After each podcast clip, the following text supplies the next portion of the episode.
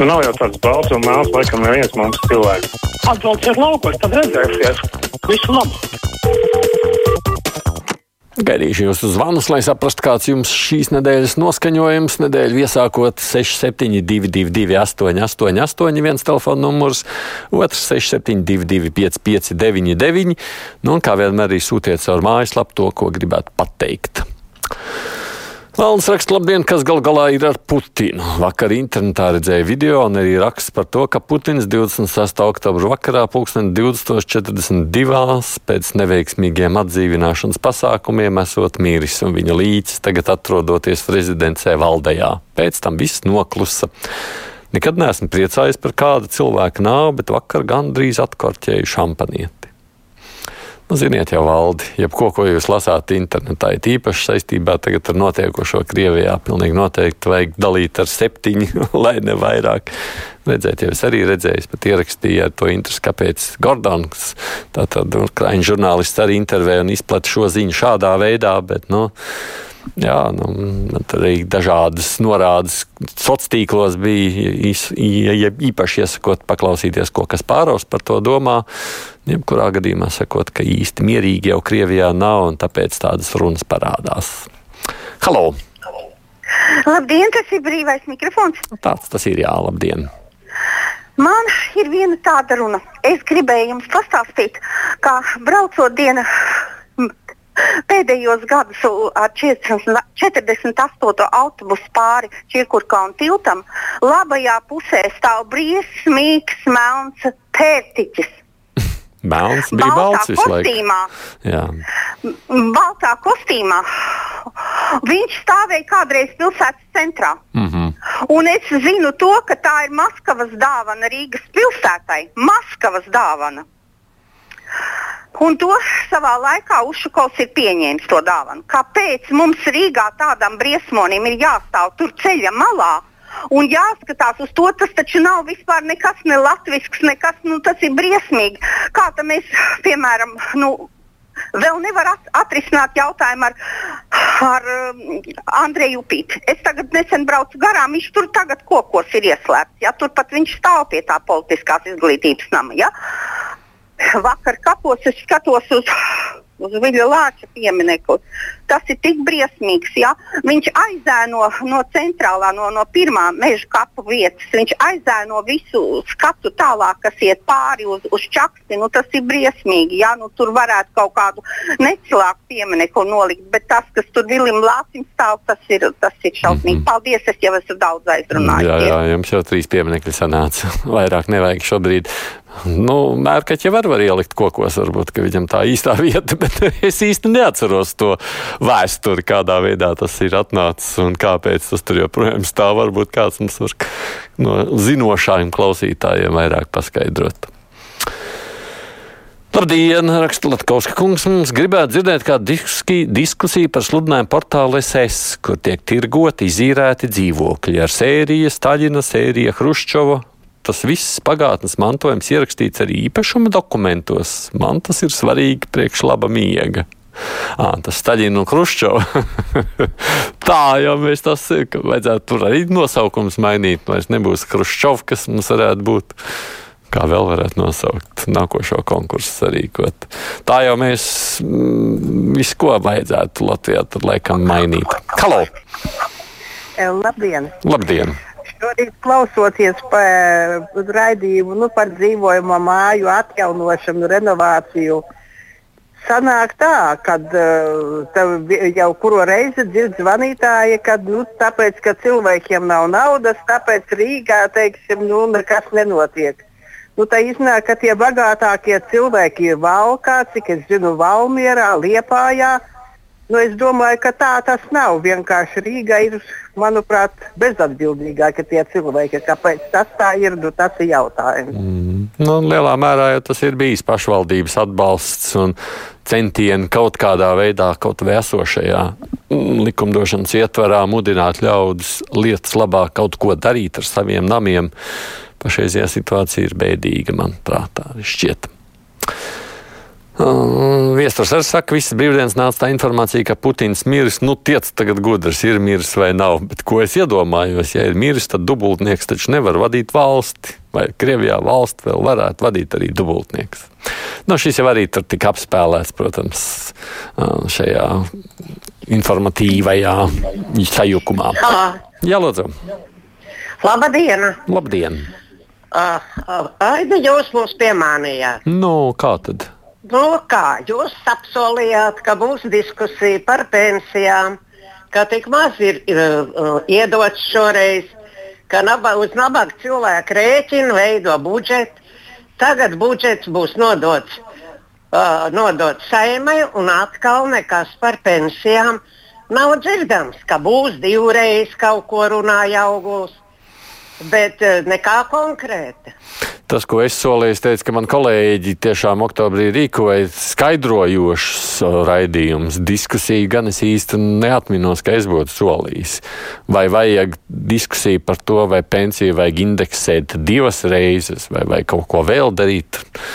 Nu, nezinu. Man nav šobrīd tāda strikta viedokļa, vai tur ir kaut kas, ko mēs stundas laikā varam izdiskutēt, bet nu, varat ieteikt un spriest par to. Ja Puntuls saka, ka Krieva radio ir sekas, tad visi okupanti arī ir sekas. Un lūdzu, tad jārīkojas konsekventi. Tā saka Kārlis. Nevar īsti saprast, ko ar šo tālāk. Halo! Jā, labdien!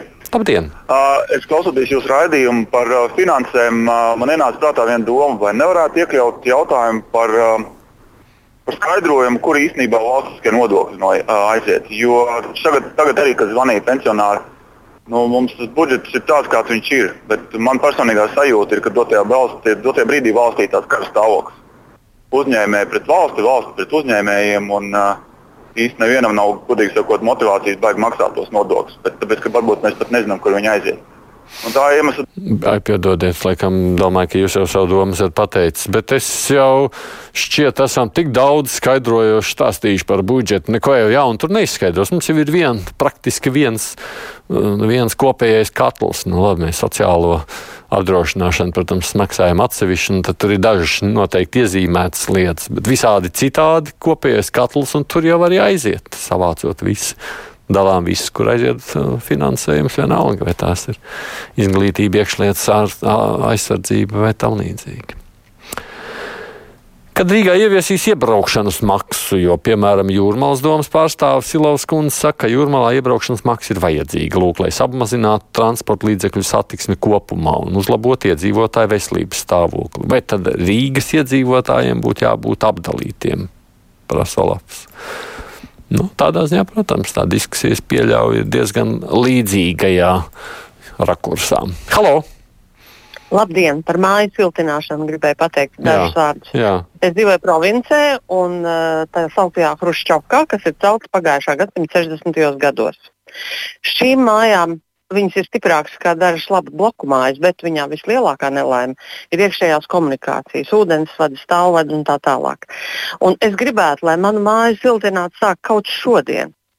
Bet ir iztaisīts, tas viss tiek padarīts par tādu biznesa projektu.